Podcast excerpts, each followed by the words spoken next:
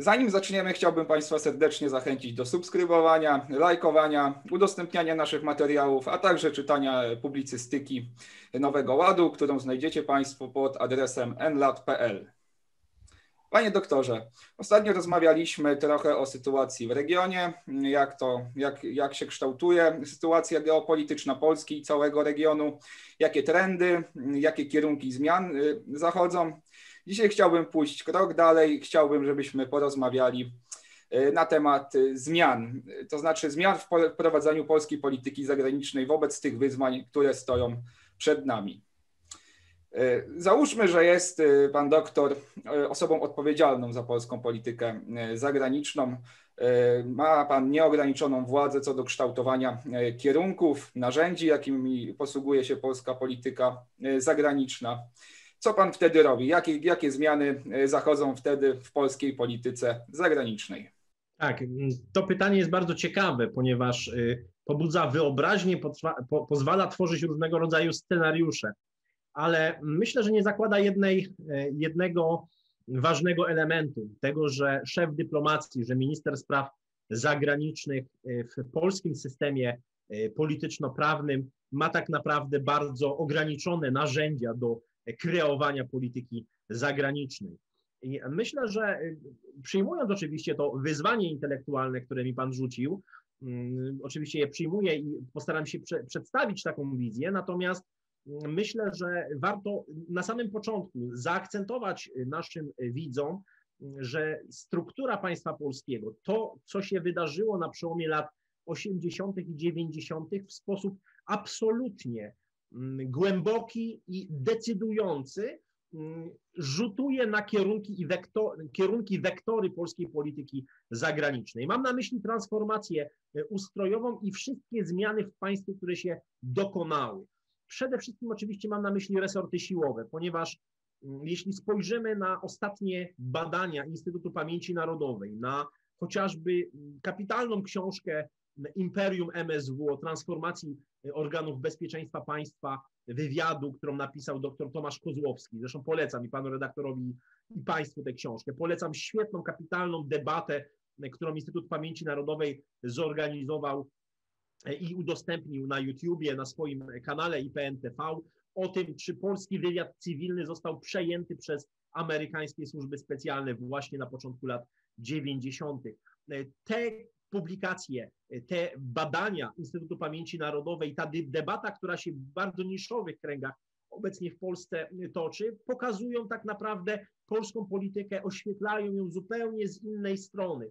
Pokazują, że w sensie strukturalnym w sensie struktur państwowych polska polityka zagraniczna jest bardzo ściśle związana z interesem obcego państwa, z interesem innego państwa, może w ten sposób, państwa sojuszniczego obecnie, ale przecież to nadal jest inne państwo, którego interesy wcale nie są w 100% tożsame z interesem z polsko, polskim interesem narodowym i z polską racją stanu. Więc jeżeli mamy taką sytuację, że rzeczywiście y, w okresie tak zwanej transformacji ustrojowej, w początkach III Rzeczpospolitej doszło do przejęcia aktywów operacyjnych i w cudzysłowie przejęcia wywiadu cywilnego PRL, czyli, czyli Departamentu I MSW przez amerykańskie służby wywiadowcze, bo mówimy tutaj o Stanach Zjednoczonych, no to mówienie dzisiaj o takiej swobodzie zmiany kierunków polityki zagranicznej przez szefa dyplomacji jest mówieniem, tak na, jest tak naprawdę tylko i wyłącznie fantazjowaniem,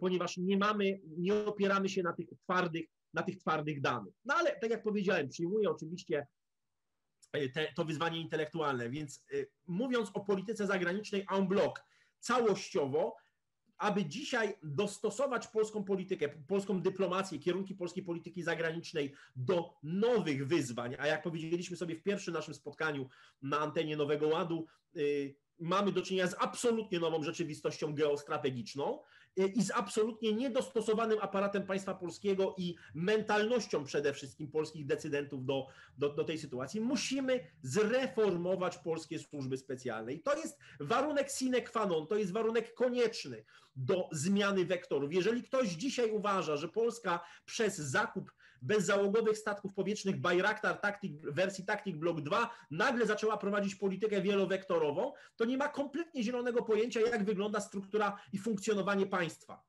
obojętnie jakiego państwa i jaką rolę służby specjalne odgrywają w tym państwie. Polska przez sam fakt, że y, jest silnie y, związana personalnie aktywami operacyjnymi z amerykańskimi służbami specjalnymi, ma bardzo niewielki ma pole manewru w polityce zagranicznej dzisiaj. Zatem pierwszym krokiem do zmiany strategicznych wektorów polskiej polityki zagranicznej jest głęboka reforma służb specjalnych. Ona tak naprawdę to, to, co się dzieje dzisiaj w służbach specjalnych, polskich służbach specjalnych, tak naprawdę woła o pomstę do nieba. Woła o pomstę do nieba i to nie mówię tylko i wyłącznie o y, obecnej trwającej aferze Dworczyka w dużym cudzysłowie, ale mówię w ogóle o tej sytuacji, e, która, która jest. Mamy do czynienia niestety z ciągłością, z takim, e, powiedziałbym, zgniłym korzeniem z, z służb specjalnych w III Rzeczpospolitej, ponieważ kontrwywiad PRL-owski nie przeszedł żadnej realnej weryfikacji. Tak zwany wywiad właśnie PRL-owski, cywilny, nie przeszedł żadnej weryfikacji, żadnej realnej weryfikacji. A pamiętajmy, no teczki tych oficerów najbardziej zapowiadających się, najbardziej rokujących, e, ich e, powiedzmy fotokopie znajdują się w Moskwie. I, I, tutaj mamy niestety do czynienia z taką zgniłą pałeczką pokoleń, z pewnym modus operandi przekazywanym z pokolenia na pokolenie w e, służbach specjalnych w Polsce od czasu PRL-u, które absolutnie nie korespondują ze wyzwaniami współczesności i nie dają nam możliwości tworzenia naszej własnej, niezależnej polityki zagranicznej. To, że mamy co, co rusz jakieś afery związane ze służbami specjalnymi, że możemy mówić spokojnie dzisiaj o istnieniu zorganizowanej grupy przestępczej w służbach specjalnych, e, a czego najlepszą manifestacją były tak zwane tajne więzienia CIA w Polsce, które zostały udowodnione przez instytucje międzynarodowe, że tego typu złamanie konstytucji e, nastąpiło. Ja się dziwię, że e, w okresie, kiedy Leszek Miller, Aleksander Kwaśniewski, SLD, PSL właśnie rządziło i mamy do czynienia, i mieliśmy do czynienia z różnego rodzaju łamaniem, naruszeniami w służbach specjalnych. Wielu polityków, którzy dzisiaj chodzą z koszulkami konstytucja, nie nosiło takich koszulek i nie, i nie sprzeciwiało się łamaniu e, i torturom e, stosowanym na, tery, na, na terytorium Rzeczypospolitej Polskiej. To jest jedna sprawa. Druga sprawa to jest oczywiście kwestia tego, że nie można, e, używając starożytnej maksymy, wylewać brudnej wody, nie mając wody czystej. I najlepszym kazusem jest oczywiście kwestia WSI. Służby wojskowe absolutnie zinfiltrowane przez przez sowiecki wywiad, przez później rosyjski wywiad, absolutnie nieefektywne, przeżarte, zgnilizną bardzo wielu przestępstw, Byłem tego świadkiem, miałem dostęp do informacji tutaj niejawnych, jeśli chodzi o działalność tych służb jako członek Komisji Weryfikacyjnej do spraw WSI. Bardzo dobrze się stało, że WSI zostały zlikwidowane, ale bardzo źle się stało, że zostały zlikwidowane w trybie ekspresowym, w trybie natychmiastowym. I bardzo źle się stało, że nowe służby wojskowe nie są obecnie w składzie sił zbrojnych Rzeczypospolitej. To woła o pomstę do nieba. Jakim cudem stało się to, że służba kontrwywiadu wojskowego i służba wywiadu wojskowego nie są dzisiaj w czasie pokoju włączone w struktury służb wojskowych. To jest absurdalna sytuacja, która krępuje nam bardzo mocno tutaj ruchy, jeśli chodzi o kwestie bezpieczeństwa. E, należy budować te służby bardzo powoli e, szacuje się wśród ekspertów bezpieczeństwa, także tych cywilnych ekspertów bezpieczeństwa, ponieważ dzisiaj znowu w Polsce mam jakąś dziwną zmowę milczenia, że o służbach specjalnych mogą się wypowiadać rzekomo tylko i wyłącznie byli funkcjonariusze czy żołnierze służb specjalnych, co jest absurdem oczywiście. Nigdzie tak na świecie nie ma poza krajami autorytarnymi i totalitarnymi. Krajach demokratycznych jest czymś normalnym, że cywilni eksperci do spraw bezpieczeństwa biorą udział w tego typu debatach i, i uważam, że bardzo dobrze, że w Polsce zaczyna się mówić o roli i znaczeniu służb specjalnych w kreowaniu polskiej polityki zagranicznej i polityki bezpieczeństwa. E, uważam, że e, no, budowanie tych służb to jest 10 lat, tak? to jest budowanie od podstaw równolegle może w ten sposób, nie wylewając brudnej wody, ale tworząc zupełnie nowe, nowy, że tak powiem, nowy, no, nowy dostęp, że tak powiem, do tej świeżej wody. Można to budować równolegle, to jest około 10 lat, aby one zdobyły autonomiczność i pełną jakby taką samodzielność operacyjną. E, I to jest podstawa jeżeli chodzi o w ogóle myślenie o tym, abyśmy byli podmiotem stosunków międzynarodowych, ponieważ ja stawiam taką hipotezę, że Polska obecnie nie jest podmiotem stosunków międzynarodowych. Pan pyta mnie o politykę zagraniczną, to ja mógłbym odbić piłeczkę, czy w ogóle zadać pytanie retoryczne, czy chcemy być e, podmiotem stosunków międzynarodowych, czy chcemy być samodzielnym e, graczem, czy chcemy być państwem suwerennym i niepodległym. Ja zdaję sobie sprawę, że dla widzów i czytelników Nowego Ładu to jest pytanie retoryczne, jak już powiedziałem, i jakiekolwiek inne przedstawienie byłoby równoznaczne ze zdradą, ze zdradą stanu. Natomiast także w polskim establishmencie politycznym, w obecnym establishmencie politycznym, w elitach III Rzeczpospolitej, takie postawienie sprawy jak rezygnacja z suwerenności y, państwa wcale nie jest czymś, powiedziałbym, takim niszowym. No przecież jeżeli mówimy o perspektywie Europy federalnej i w przekształceniu Unii Europejskiej w państwo federalne, a co za tym idzie, no przecież zrzeczenia się suwerenności przez, przez państwo polskie, no to mamy do czynienia właśnie z takim wariantem, a przecież zwolenników takiego rozwiązania jest całkiem sporo wśród decydentów, wśród powiedziałbym elit politycznych głównego nurtu. Także dziennikarzy głównego nurtu. Zatem ja bym rozpoczął w ogóle od podstaw. Czym jest ra, polska racja stanu, czym jest polski interes narodowy, czy utożsamiamy pojęcie racji stanu z polskim interesem narodowym i wreszcie, może nawet najbardziej fundamentalne pytanie, po co Polska?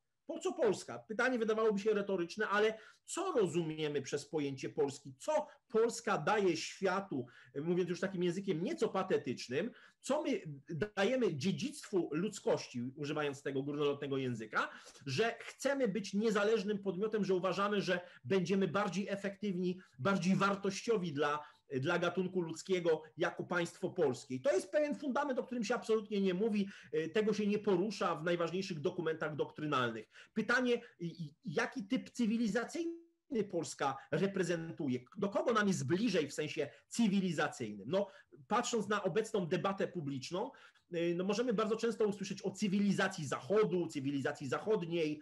E, prezydent Andrzej Duda powiedział kiedyś o cywilizacji judeochrześcijańskiej. Bóg raczy wiedzieć, co to jest tak naprawdę i co rozumiał y, obecnie urzędujący prezydent przez to, przez to określenie. No, tak naprawdę są to pojęcia bardzo, ale to bardzo nieostre. Natomiast pytanie, czy my się identyfikujemy jako typ cywilizacji łacińskiej w znaczeniu tym, który wprowadził profesor świętej pamięci, profesor Felix Koneczny, czy będziemy reinterpretować pojęcie cywilizacji zachodniej jako zupełnie inne, może inne korzenie niż chrześcijańskie są bliższe decydentom y, czy sporej części decydentów, którzy chcą na przykład zrzeczenia się suwerenności państwa polskiego. Więc to są fundamentalne kwestie. I jeszcze jedna rzecz. Mówiąc o polityce zagranicznej, pytanie, czy utożsamiamy rację stanu i polski interes narodowy. To bardzo często synonimicznie e, używane określenia, ale Y, jeżeli przysłuchamy się i prześledzimy wypowiedzi pisemne, wywiady rzeki z polskimi czołowymi politykami, to możemy y, odnieść takie wrażenie, ja przynajmniej odnoszę takie wrażenie, że nie jest to pojęcie tożsame wśród wielu przedstawicieli właśnie tych elit. Y, to znaczy, z jednej strony polski interes narodowy jest traktowany jako chęć zapewnienia dobrobytu obywatelom państwa polskiego, już niekoniecznie narodowości polskiej, ale po prostu mających obywatelstwo polskie i ten interes narodowy, zdaniem części, tak jak powiedziałem, tego establishmentu, może być zapewniony w strukturach ponadnarodowych. W strukturach ponadnarodowych. No i tutaj przywołuje się właśnie tę ideę y, Unii Europejskiej jako państwa federalnego. Przywołuje się taki przykład, że Polska jako naród polityczny, czyli jako obywatele Rzeczypospolitej, y, mogą mieć zapewniony dobrobyt zupełnie w nowym tworze państwowym, tworze takim, no właśnie, nie w stylu konfederacji, y, jak jest obecnie, bo Unia Europejska jest obecnie konfederacją, ale w stylu federacyjnym, gdzie polskie województwa byłyby tak naprawdę euroregionami, mówiąc takim, no w dużym cudzysłowie oczywiście. No i sama racja stanu. Jeżeli racja stanu to racja państwa, jednym z absolutnych atrybutów niepodległego państwa jest zdolność do, jest samodzielność strategiczna, samodzielność y, oczywiście wewnętrzna i zewnętrzna. Ja posługuję się pojęciem racji stanu jako y, jako tożsamym z polskim interesem narodowym. Nie uważam, aby rozpuszczenie na tym etapie y, gdzieś rozwoju dziejowego, w ogóle snucie takich wizji, że Polska dzisiaj wyzbywając się suwerenności będzie w stanie lepiej zapewnić bezpieczeństwo e, narodowi polskiemu w strukturach ponadnarodowych, no uważam, że jest dzisiaj absolutnym no, no, nieporozumieniem. Jest to, absurd, jest to absurd z punktu widzenia geopolityki. Natomiast mm, jeżeli chodzi o dalsze etapy, czyli z jednej strony reforma służb specjalnych, z drugiej strony drugi fundament, bardzo mocny, że tak powiem, którym jest określenie naszej tożsamości w sensie cywilizacyjnym, kulturowym, y, pojęcia racji stanu, pojęcia polskiego interesu narodowego. Jak będziemy mieli te dwa fundamenty, czyli będziemy mieli y, polskie służby, będziemy mieli lojalne służby specjalne, niepodporządkowane interesom żadnych obcych państw i będziemy wiedzieć, kim jesteśmy, czego chcemy, będziemy mieli własne poczucie własnej wartości i wie, wiedzieć, co chcemy osiągnąć, dokąd zmierzać, no to wtedy dopiero możemy myśleć o wytyczeniu wektorów polityki zagranicznej. I ja opowiadam się za polityką wielowektorową i tutaj y, kilka słów może takiej refleksji, dlaczego, dlaczego taka polityka, a nie inna. Mm, uważam, że mm, geografia w żaden sposób nie determinuje ani losów państwa, ani losów narodów. To jest absurdalne w ogóle twierdzenie. Oczywiście w nauce było, występowało w drugiej połowie XIX wieku, podobnie jak traktowanie państwa czy też społeczeństwa jako organizmu żywego, mm, wszelkiego rodzaju tego typu uproszczenia, darwinizm społeczny. No one rzeczywiście były, były można powiedzieć takim grzechem pierworodnym, grzechem młodości nauk społecznych. Natomiast mm, w geopolityce współcześnie, w geopolityce, którą mam przyjemność i zaszczyt się zajmować zawodowo od kilkunastu już lat, y, nie jest to, to, to jest jakiś absolutny margines. Natomiast my uważamy jako geopolitycy i geostrategzy, że geografia stwarza szanse, y, możliwości, y, ale stwarza także oczywiście zagrożenia. Stwarza ta, tworzy mocne i słabe strony dla państwa, stworzy szanse i tworzy zagrożenia. I patrząc na obecne położenie ge geopolityczne państwa polskiego, nie drugiej Rzeczpospolitej, nie pierwszej Rzeczpospolitej, nie korony Królestwa Polskiego, ale współcześnie trzeciej Rzeczpospolitej, patrząc na mapę, ja dostrzegam więcej szans niż zagrożeń. Więcej szans, więcej mocnych stron niż słabych stron, ale pod jednym warunkiem pod jednym warunkiem, że Polska będzie prowadziła mądrą politykę nakierowaną przede wszystkim na budowę własnej siły gospodarczej. I uważam, że jeżeli miałbym e, stworzyć jakiś slogan e, jako, e, jako tutaj powiedzmy architekt polityki zagranicznej no, Rzeczypospolitej, to byłby to slogan po pierwsze gospodarka, w znaczeniu także polityki zagranicznej. Uważam, że budowa państwa polskiego jako stworznia geoekonomicznego jest wielokrotnie ważniejsza niż próba tworzenia jakiegoś bloku geopolitycznego czy geostrategicznego w znaczeniu militarnym pod egidą Polski.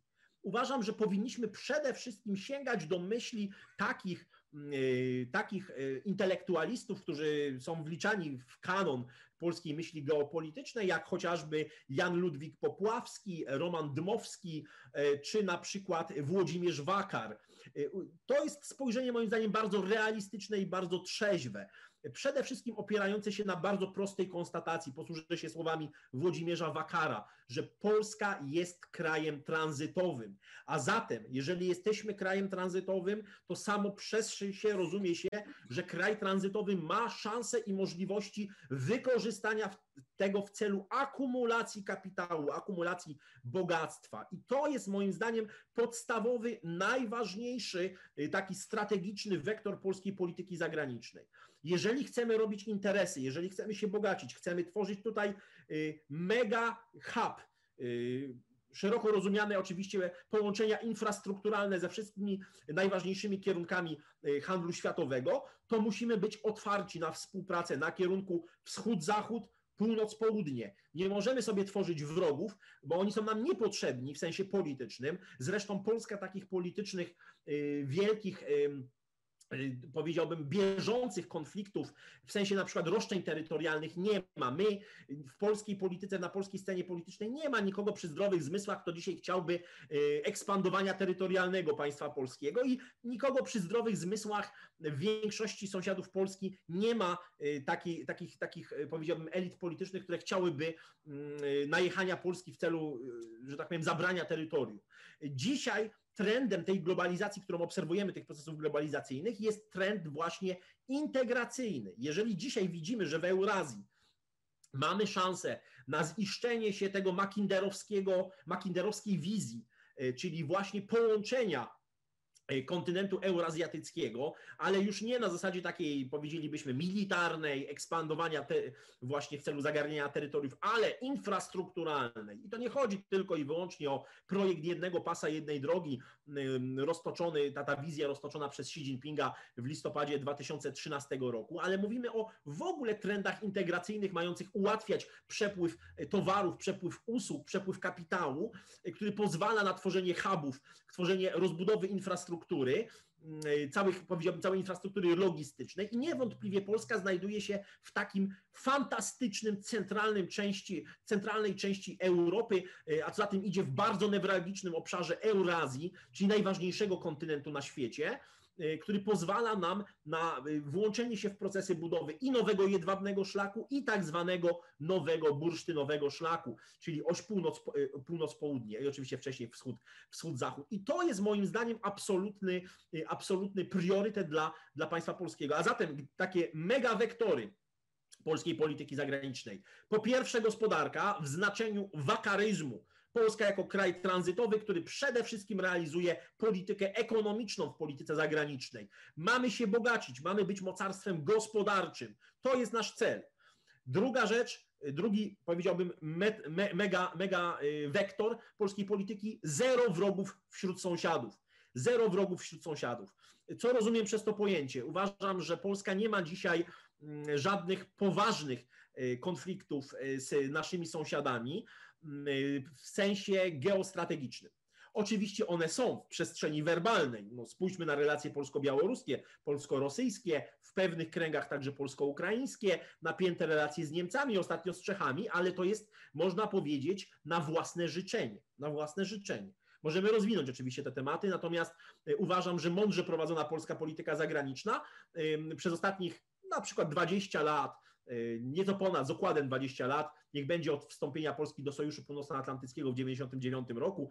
Y, gdyby była mądrze prowadzona, nie mielibyśmy wrogów wśród sąsiadów, co więcej, mielibyśmy bardzo, y, bardzo mądrze budowaną strefę buforową na, na, na, na wschodzie. Natomiast dzisiaj mamy, mamy na wschodzie napięte, napięte relacje z większością, z większością naszych sąsiadów, jeśli nie ze wszystkimi tak naprawdę.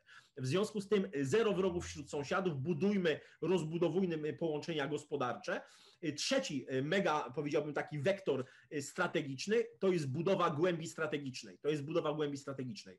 Nawiązuje oczywiście do tytułu książki byłego ministra spraw zagranicznych Republiki Tureckiej, Ahmeta Davutoglu, człowieka, który na początku, książka ukazała się na samym początku tego wieku, Człowiek, który jest właściwie, można powiedzieć, architektem współczesnej polityki zagranicznej e, tego państwa, był, był premierem, bardzo bliskim współpracownikiem Recepa Erdoana, napisał e, książkę właśnie pod tym tytułem, nieprzetłumaczoną na język polski, e, pod tytułem Głębia strategiczna. Co rozumiem przez pojęcie głębi i samodzielności strategicznej? Uważam, że te dwa filary, o których wspomniałem na samym początku, e, pozwolą nam na budowę samodzielności strategicznej, czyli zdolności do kreowania, autonomicznego kreowania naszych wektorów polityki wewnętrznej i zewnętrznej. Natomiast głębia strategiczna, rozumiana w przeszłości jako taki, powiedziałbym, e, taka głębia terytorialna, pozwalająca na lokowanie na przykład zakładów przemysłowych istotnych z punktu widzenia oczywiście całej gospodarki bardzo głęboko, aby móc w razie czego cofać się niczym w doktrynie Kutuzowa, którą znamy z 1812 roku. To jest oczywiście już taka y, mocno przestarzała koncepcja głębi strategicznej. Dzisiaj takie państwa leżące, można powiedzieć, no, nawet na antypodach geostrategicznych, jak Republika Turecka i Izrael, stosują nowoczesną y, zasadę głębi strategicznej, a ona polega na tym, aby rozszerzać wpływy swojego państwa poza jego granicami w oparciu o na przykład y, diasporę, która, y, która jest rozsiana po całym świecie. Po drugie, działalność swoich służb specjalnych, swojego wywiadu. Po trzecie, poprzez działalność informacyjną, na przykład mediów nadających w różnych językach, wykorzystujących różnego rodzaju platformy komunikacyjne. Y, po czwarte, wpływy gospodarcze, między innymi swój własny przemysł zbrojeniowy. Myślę, że oba państwa są bardzo takim, modelowym, podręcznikowym przykładem, w jaki sposób rodzimy przemysł zbrojeniowy może być elementem dyplomacji.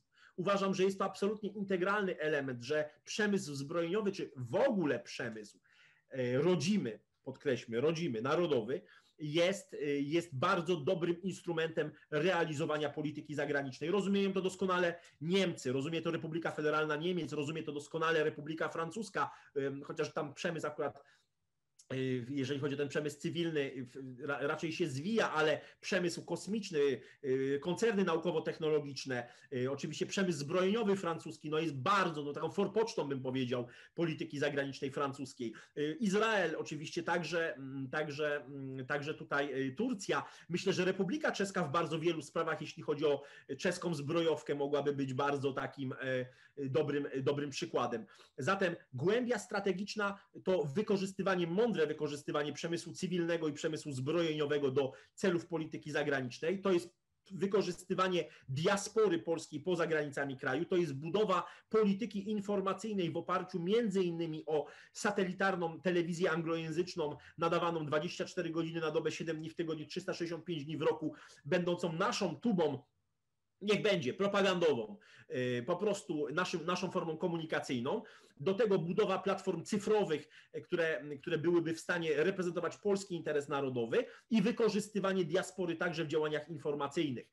No i wreszcie ostatni element, czyli dyplomacja publiczna, szeroko pojęte działania soft power. Oczywiście tutaj ta platforma informacyjna byłaby bardzo przydatna, natomiast y, musi być uzupełniona o te działania soft power, kulturalne działania pozyskiwania naszych stronników w innych państwach to jest domena już właśnie Ministerstwa Spraw Zagranicznych, ale nie tylko, także organizacji pozarządowych. Dzisiaj współpraca Ministerstwa Spraw Zagranicznych, MONU, innych instytucji państwowych z organizacjami pozarządowymi pozostawia bardzo wiele do życzenia. Raczej promuje się ten model bierny, mierny, ale wierny, czyli promowanie e, organizacji pozarządowych, które są po prostu be, e, bezkrytyczne wobec, wobec rządu, nie oświetlają tej polityki zagranicznej, polityki bezpieczeństwa bardzo często z innych profili, z innych, z innych, z innych stron. Więc to te, te elementy. No i oczywiście kwestia, jakie kierunki, jeżeli już przyjmiemy sobie te, powiedziałbym, takie mega wektory, to jakie kierunki Polska powinna rozwijać, nie mając wrogów wśród sąsiadów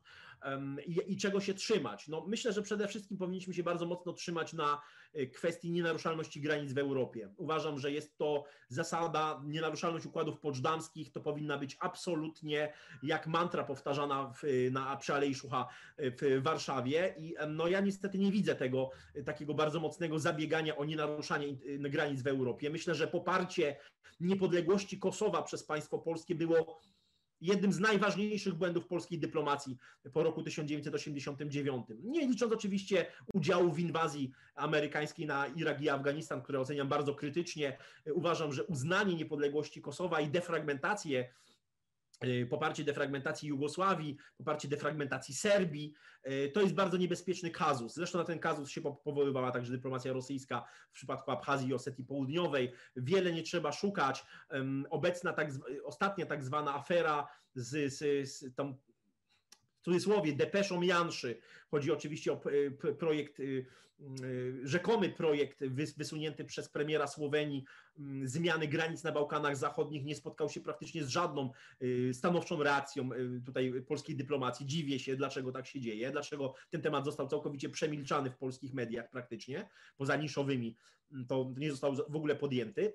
Uważam, przepraszam, że to jest bardzo niebezpieczny precedens. Natomiast uważam, że powinniśmy się włączyć w budowę nowego jedwabnego szlaku. Uważam, że włączenie się Polski w projekt wymiany towarowej, wymiany kapitałowej z Chińską Republiką Ludową jest bardzo korzystny dla Unii Europejskiej i dla państwa polskiego. Uważam, że to zawieszenie tej umowy inwestycyjnej między Unią Europejską a Chińską Republiką Ludową pod naciskiem zresztą Stanów Zjednoczonych, jak wiele wskazuje, jest błędem z punktu widzenia gospodarki państw członkowskich Unii Europejskiej. Uważam, że rozwijanie tych kontaktów gospodarczych, które pozwolą nam się uniezależnić polskiej gospodarce od y, bardzo ścisłych i bardzo krępujących więzów gospodarczych z Republiką Federalną Niemiec. No dzisiaj Polska, Polska, polskie obroty handlowe, jak sobie spojrzymy na dane Głównego Urzędu Statystycznego, pokazują, że e, jeżeli chodzi o import i o eksport, e, tutaj Niemcy są na pierwszym, na pierwszym miejscu, to jest ponad 20% w obu przypadkach i jest to, przy czym oczywiście warto podkreślić, że Polska jest montownią dla, nie, dla Niemiec, jest, jest traktowana jako półperyferia, jako kraj, który tak naprawdę jest podwykonawcą dla gospodarki niemieckiej. To jest bardzo niekorzystna sytuacja, wbrew twierdzeniom wielu polityków z establishmentu III Rzeczpospolitej. Wcale nie jest to korzystne dla gospodarki państwa polskiego. Uważam, że Polska powinna postawić na nowe technologie i jednym z naczelnych zadań polskiej polityki zagranicznej jest y, współpraca z krajami, które gwarantują nam transfer technologii, transfer high-tech, y, transfer nowoczesnych technologii, od począwszy od technologii komunikacyjnych, informatycznych, y, biotechnologii, nanotechnologii, oczywiście także kwestia częściowej przynajmniej reindustrializacji państwa polskiego powinna być absolutnym priorytetem, podobnie jak chociażby rozwój sektora jądrowego. Ja zdaję sobie sprawę, że te elementy, które poruszam bardzo szeroko, to nie wszystko jest włączone ściśle w zakres kompetencyjny Ministerstwa Spraw Zagranicznych, no ale patrząc na politykę zagraniczną, nie możemy y, uciekać od pewnych realiów y, ogólnych. Pamiętajmy, że polityka jest jedna, natomiast to te sektory, które sobie wyznaczamy, y, to jest pewne, pewnego rodzaju uproszczenie.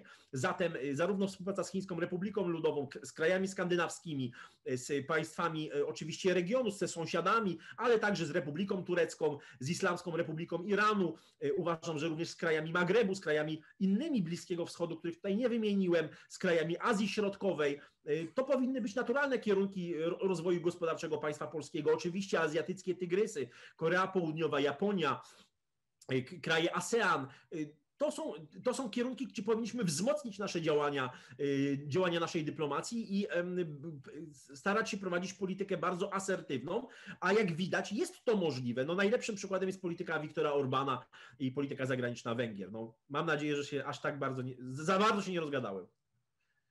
Y, wspomniał Pan doktor o tym y, wakaryzmie, o rozwoju połączeń infrastrukturalnych, o, o zasysaniu z zewnątrz tych E, tych, tych technologii, e, gospodarczy, gospodarczy rozwój w oparciu o, o pewien, pewien status tranzytowy Polski.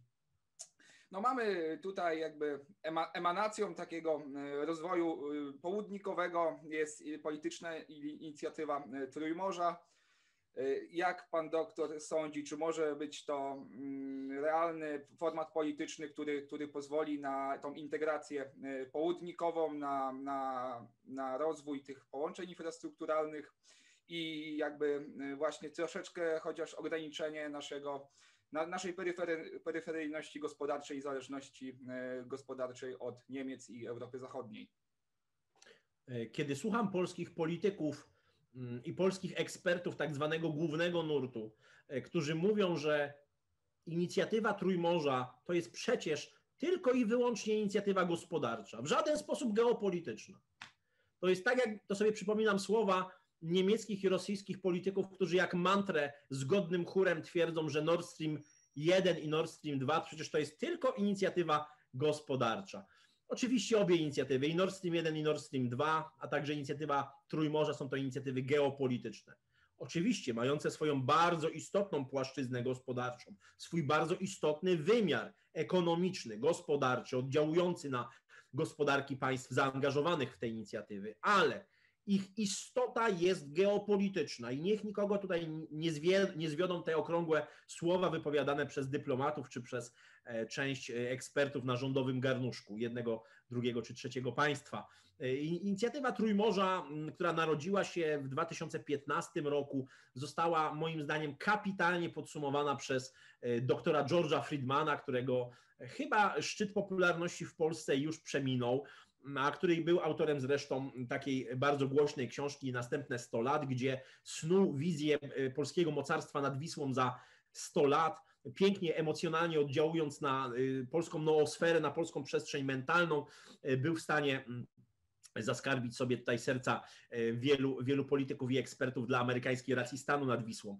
E, natomiast e, do rzeczy.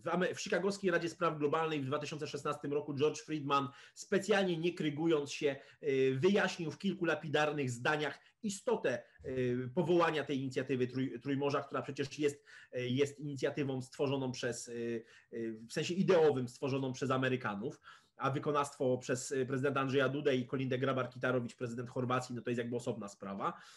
Powiedział wprost, że Stanom Zjednoczonym potrzebny jest bufor.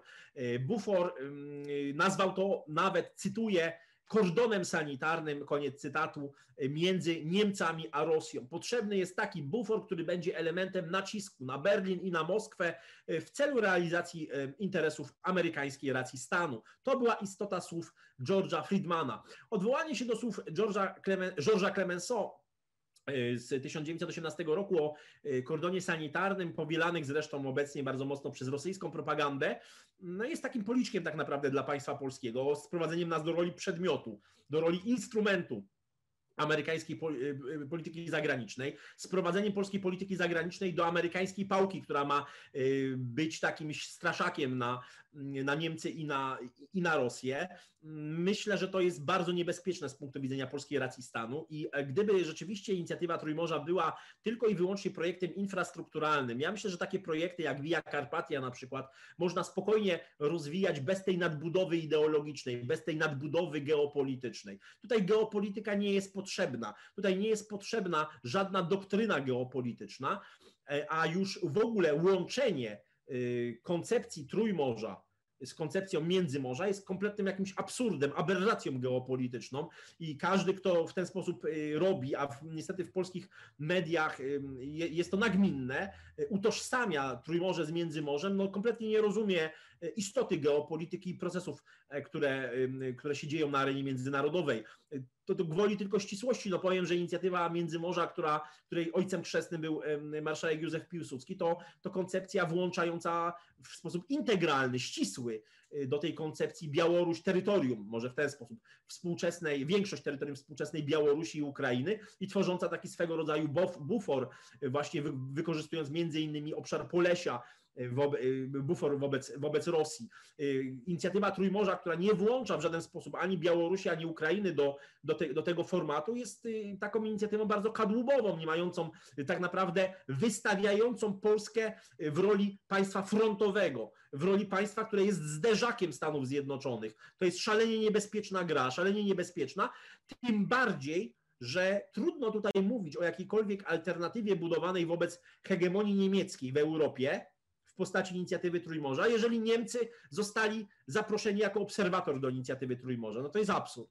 To jest absurd. Ja pamiętam, nie tylko pamięcią, pamięcią historyka, ale jeszcze jako, jako dziecko, interesując się bardzo mocno stosunkami międzynarodowymi, polityką zagraniczną, e, takie, takie inicjatywy jak chociażby inicjatywa środkowoeuropejska i to jak e, później już pamięcią historyka analizując i jakby w analizie historycznej patrząc na, na to, co się, jak to się stało, że, że takie inicjatywy jak CEFTA, jak właśnie inicjatywa środkowoeuropejska, jak jak y, pentagonale, heksagonale upadły, no, no między innymi dzięki bardzo aktywnym zabiegom polityki niemieckiej. A pamiętajmy, że tutaj a Niemcy mieli zielone światło ze strony Stanów Zjednoczonych i Federacji Rosyjskiej. Polecam zresztą uwadze pana redaktora i szanownych państwa y, pamiętniki Eduarda Szewardnadzego. Kapitalna sprawa, pokazująca, że już w końcu lat 80., w drugiej połowie lat 80., y, przywódcy Związku Sowieckiego i Stanów Zjednoczonych byli absolutnie dogadani co do tego, że po Mm, powiedziałbym, tej transformacji geopolitycznej, która przecież była zaplanowana.